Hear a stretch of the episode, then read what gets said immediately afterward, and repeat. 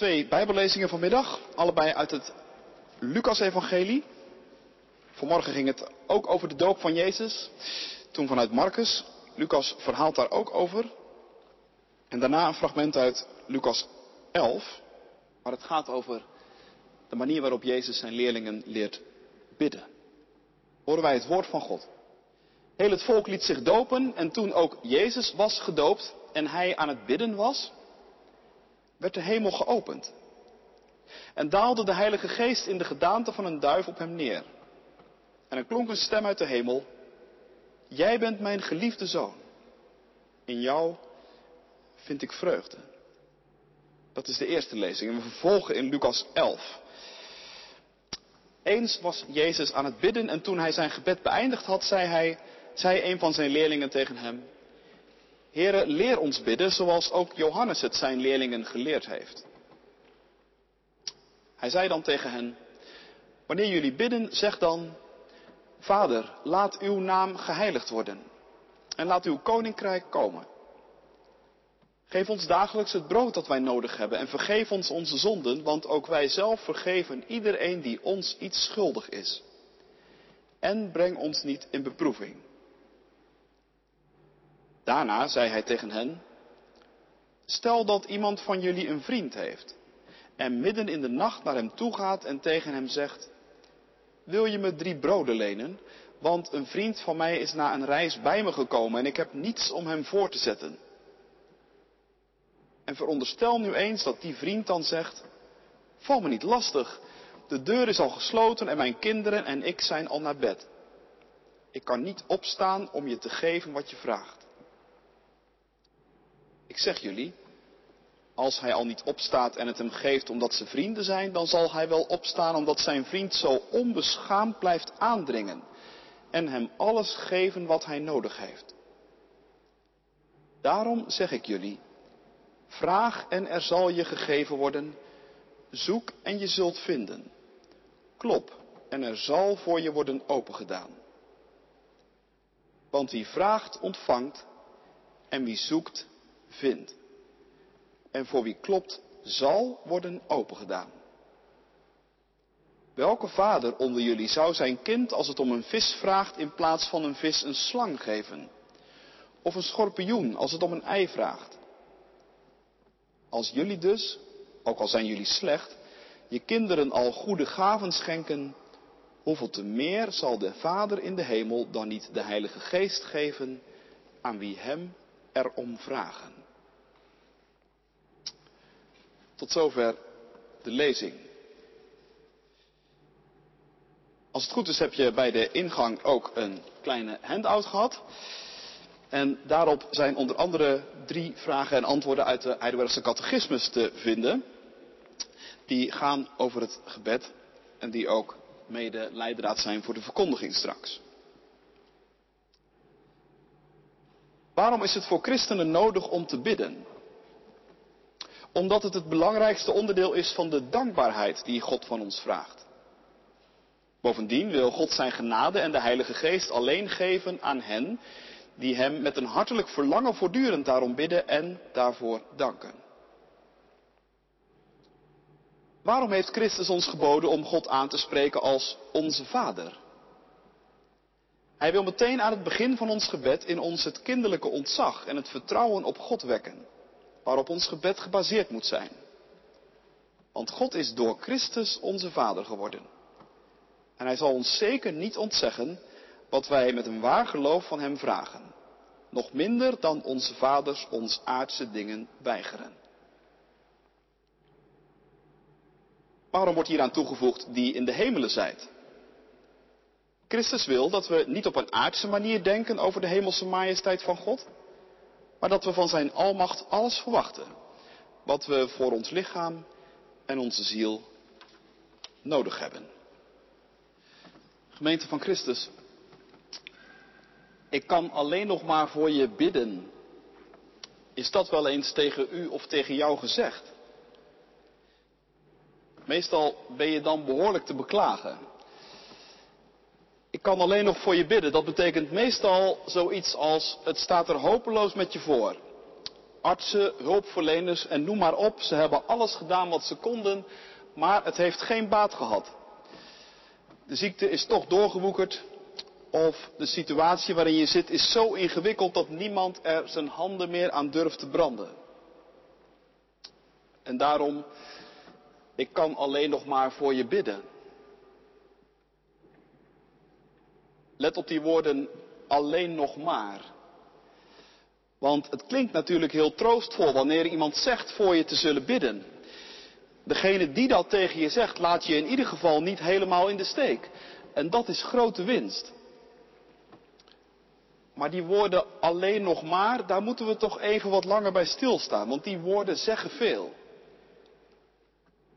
Die verraden in hun argeloosheid een complete visie op wat bidden eigenlijk is. En ook een visie op wie God voor ons is. En een visie op de situaties waarvoor we dan nog alleen maar kunnen bidden. Wie zegt alleen nog maar voor iemand te kunnen bidden, zegt eigenlijk, bidden is een soort van laatste redmiddel. Als er nog iets anders is wat zou kunnen helpen, dan zou ik dat natuurlijk voor je hebben gedaan. Maar dat is er niet en daarom zal ik voor je bidden.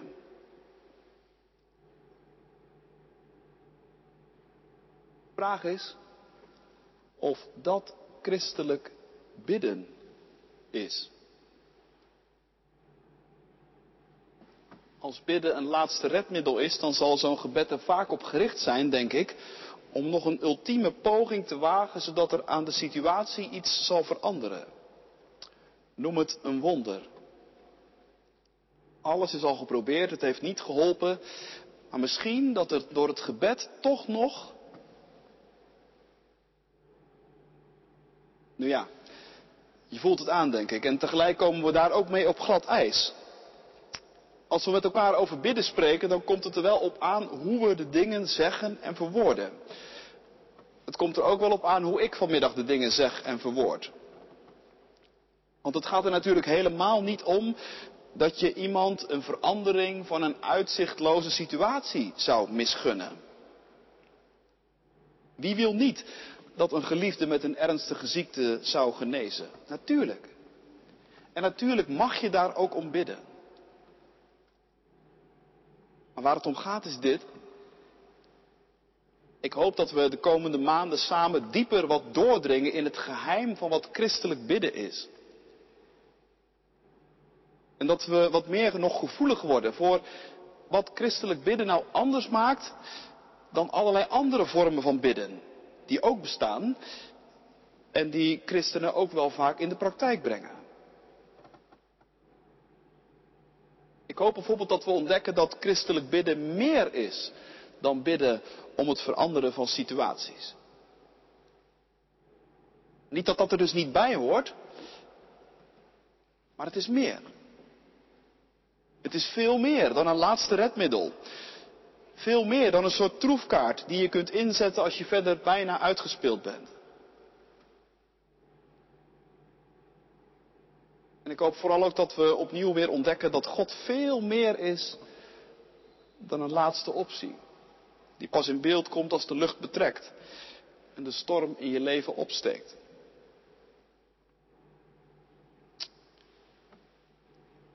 Voor de makers van de Heidelbergse catechismus is dat zeker het geval.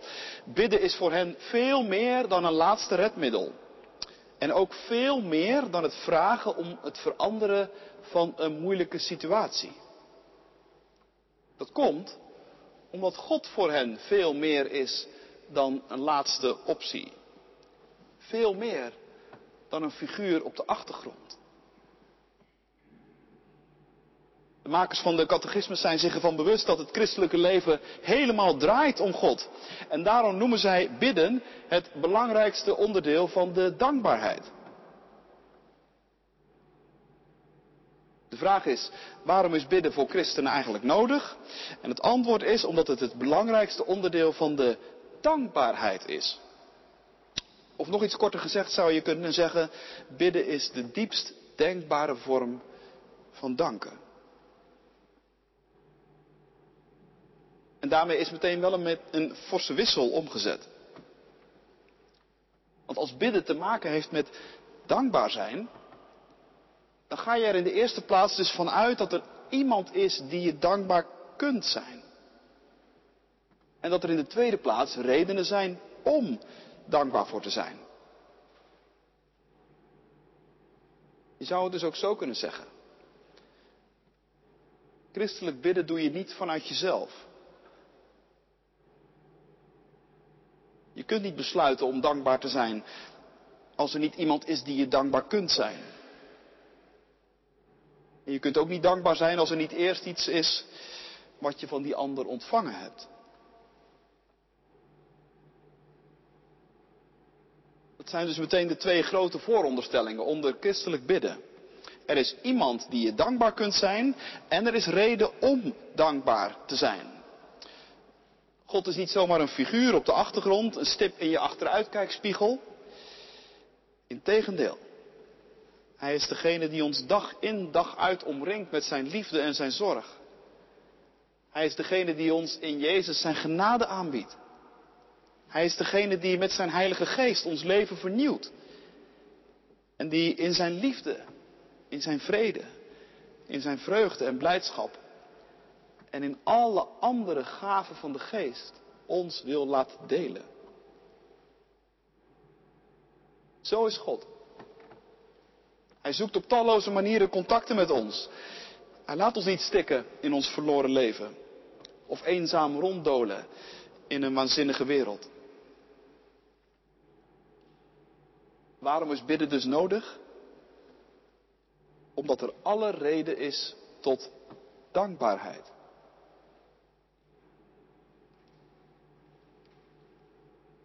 Is bidden daarmee een verplichting? Dat is zomaar een hele praktische vraag die tussendoor bij je zou kunnen opkomen. Christenen kennen niet een gebedsverplichting, zoals moslims die wel kennen. Je kunt overigens best heel veel respect hebben voor zoveel trouw en zoveel orde en zoveel structuur in een gebedsleven. Ik vermoed zomaar dat de meesten van ons daar in de verste verte niet aan toekomen. Maar toch. Er is ook reden waarom christenen juist geen vaste gebedsmomenten kennen. En dat heeft wel te maken met de vraag wat christelijk bidden eigenlijk is. Christelijk bidden is geen verplichting. De catechisme stelt dan ook niet de vraag waarom moet een christen bidden, maar waarom is bidden nodig? En het antwoord is veelzeggend. Bidden, zagen we, is de diepste vorm van danken.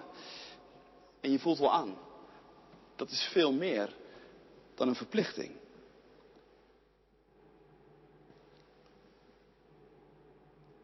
Daarom kunnen we de vraag beter omdraaien. Niet is bidden een verplichting, maar bedenk eens wat je doet als je niet bidt.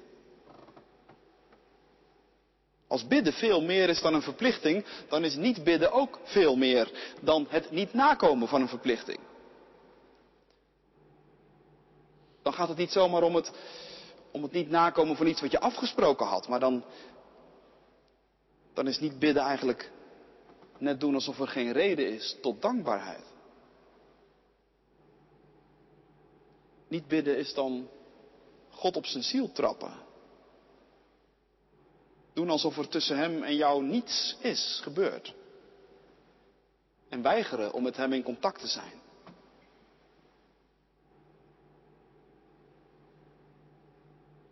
Bidden. Veel meer dus dan een verplichting. Maar hoe moet je dan bidden? Hoe bid je nou zo dat het meer is dan een verplichting en meer dan een laatste redmiddel? Kortom, hoe bid je een gebed zoals God dat bedoeld heeft?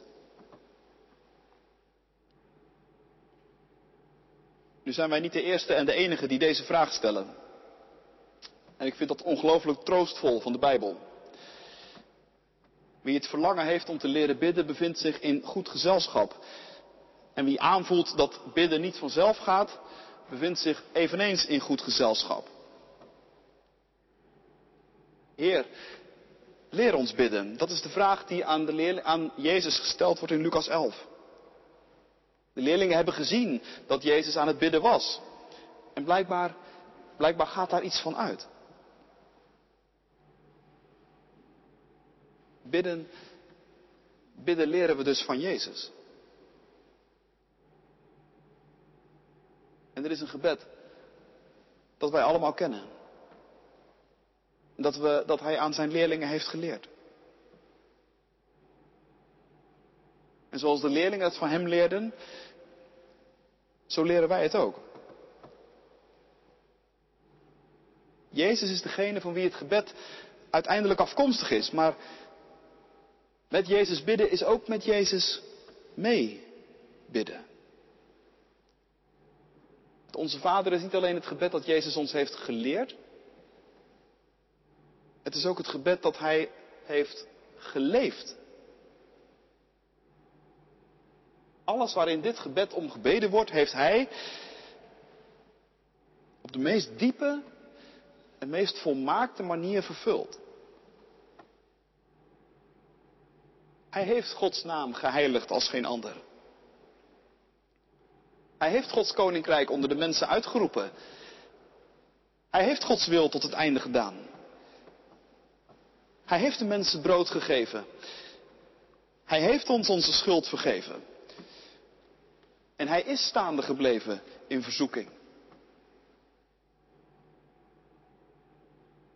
En als wij van Jezus het onze Vader leren, en we leren het met Hem meebidden, dan zeggen we eigenlijk dat we met Jezus ook willen dat in ons leven Gods naam wordt geheiligd. Dat we met Jezus er ook hartstochtelijk naar verlangen dat het koninkrijk van God doorbreekt. Dat we met Jezus verlangen naar het doen van Gods wil in ons leven. Naar vergeving, naar staande blijven in verzoeking enzovoort.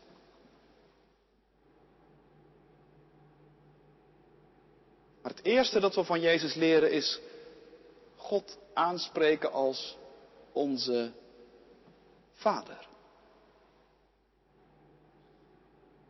Dat is namelijk al een heel opvallend begin. Ik had het net al even over de gebedspraktijk van moslims. Naast vaste gebedstijden en manieren kennen zij ook een hele serie vaste namen waarmee Allah wordt aangeroepen. Dat zijn er in totaal 99, maar je zult te vergeefs zoeken naar de naam Vader. Hoe kan het dat wij als christenen dat wel doen?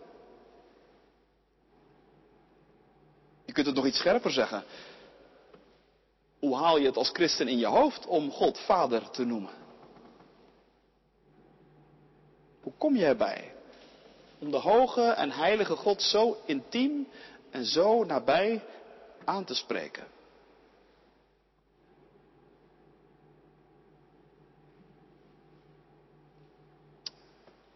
Voor de makers van de catechismus is dat niet echt een vraag. Die vragen simpelweg waarom Christus ons bevolen heeft om God Vader te noemen.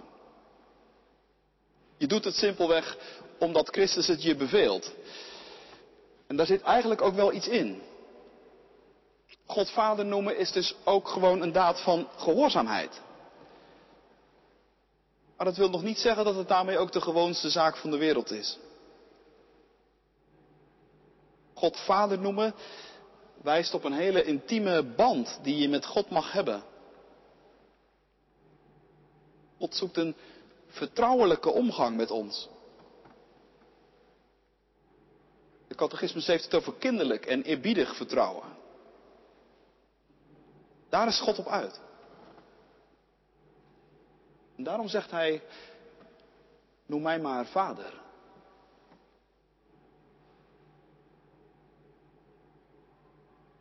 Nu ja, zeg je dat klinkt mooi, maar zitten daar niet toch ook wel een paar haken en ogen aan? Kan bijvoorbeeld zijn dat wanneer je God vader noemt, dat je daarbij meteen automatisch aan je eigen vader moet denken. Dat daarbij herinneringen bovenkomt die je misschien liever wat wegstopt. Vaders zijn net als andere mensen heel gebrekkig. Sommige vaders is het nooit gelukt om echt vader te zijn of te worden. En voor kinderen kan het dat lastig maken. Of bijna onmogelijk om God vader te noemen.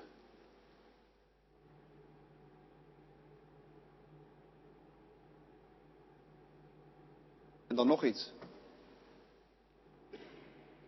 Misschien heb jij niet om deze reden zozeer moeite mee om God vader te noemen, maar kun je, kun je eigenlijk maar amper geloven dat hij je zijn kind noemt.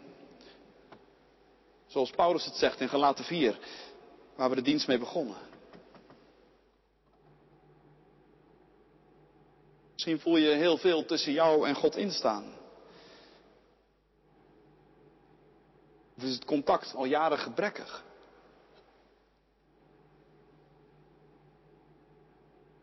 Daar nou iets van herkent? Dan kan dat antwoord van de Heidelbergse catechismus zomaar ineens heel troostvol zijn. Wij zeggen geen vader tegen God omdat we hier op aarde bepaalde ervaringen hebben met vaders die we vervolgens op God projecteren. En we zeggen ook geen vader tegen God omdat het de gewoonste zaak van de wereld zou zijn dat we zijn kinderen zijn.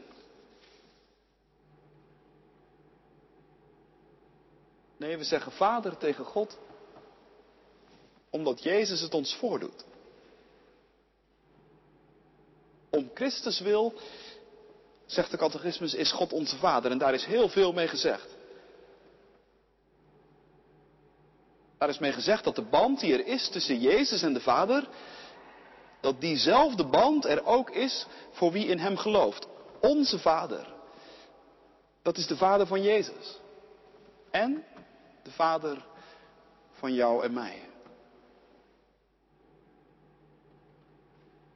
Jezus heeft op God vertrouwd.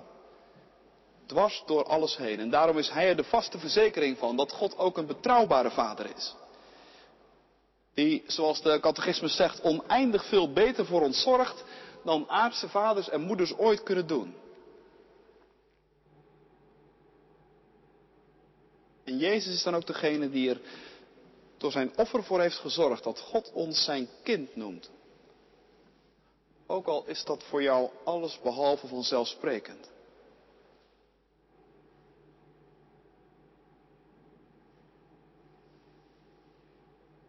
Tot slot nog dit. Jezus leert ons zeggen, onze Vader die in de hemelen zijt. Want ook al zoekt God vertrouwelijke omgang met ons en leert Hij ons Hem Vader te noemen, Hij blijft wel God. De hemel is van God. De aarde heeft Hij aan de mensen gegeven, zegt Psalm 115. En onze Vader in de hemel, dat is dus aan de ene kant heel nabij en heel vertrouwelijk. En tegelijkertijd ook een herinnering aan het feit dat God God blijft. Hij is in de hemel. Wij zijn op de aarde. Laten daarom jouw woorden weinig zijn. Dat is nog altijd een uitstekend advies van prediker. Als je gaat bidden. Christelijk bidden vergeet dat laatste nooit uit het oog. Want denk nog even met me mee. Als God niet in de hemel zou zijn. Als God niet zijn eigen werkelijkheid zou hebben, dan is Hij dus onderdeel van de aarde. Dan is Hij onderdeel van de wereld waarin wij leven. En dat wordt ook wel door sommige mensen zo gezien en zo gedacht. Steeds meer zelfs. Ook wel in de kerk. God is dan een goddelijke vonk in onszelf bijvoorbeeld. Of God gebeurt als mensen elkaar ontmoeten of aardige dingen voor elkaar doen. Niet dat dat op zichzelf niet waardevol zou zijn, natuurlijk niet. Maar als je God in die dingen opsluit, dan hebben we het denk ik niet meer over de God die we in Jezus hebben leren kennen. Dan hebben we het niet meer over een God die met zijn leven voor ons instaat en die je zijn geliefde kind noemt. Dan hebben we het niet meer over een God die in staat is om het kwaad te overwinnen. En die werkelijke hoop geeft. Dan praten we misschien wel veel over God, maar hebben we het uiteindelijk toch over en tegen onszelf. En dan moeten we er ook niet van opkijken dat bidden een heel ander verhaal wordt. Dan is bidden natuurlijk zoiets als afdalen en tot rust komen in jezelf. Je diepste innerlijk, je goddelijke vonk opzoeken en je daar dan op afstemmen. Maar dat is geen christelijk bidden. Dat is uiteindelijk praten met jezelf. En dat is een tamelijk eenzame onderneming.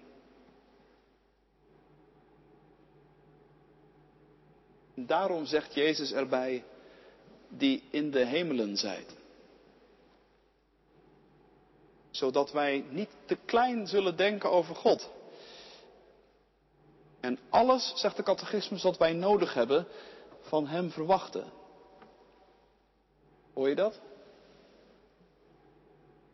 Alles. Laten we dus niet meer tegen elkaar zeggen, ik kan alleen nog maar voor je bidden. Daarmee doen we God tekort.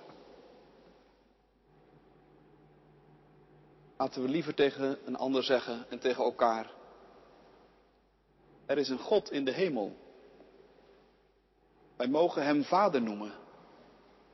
En weten dat Hij ons zijn kind noemt. En daarom zullen we voor je bidden. Amen.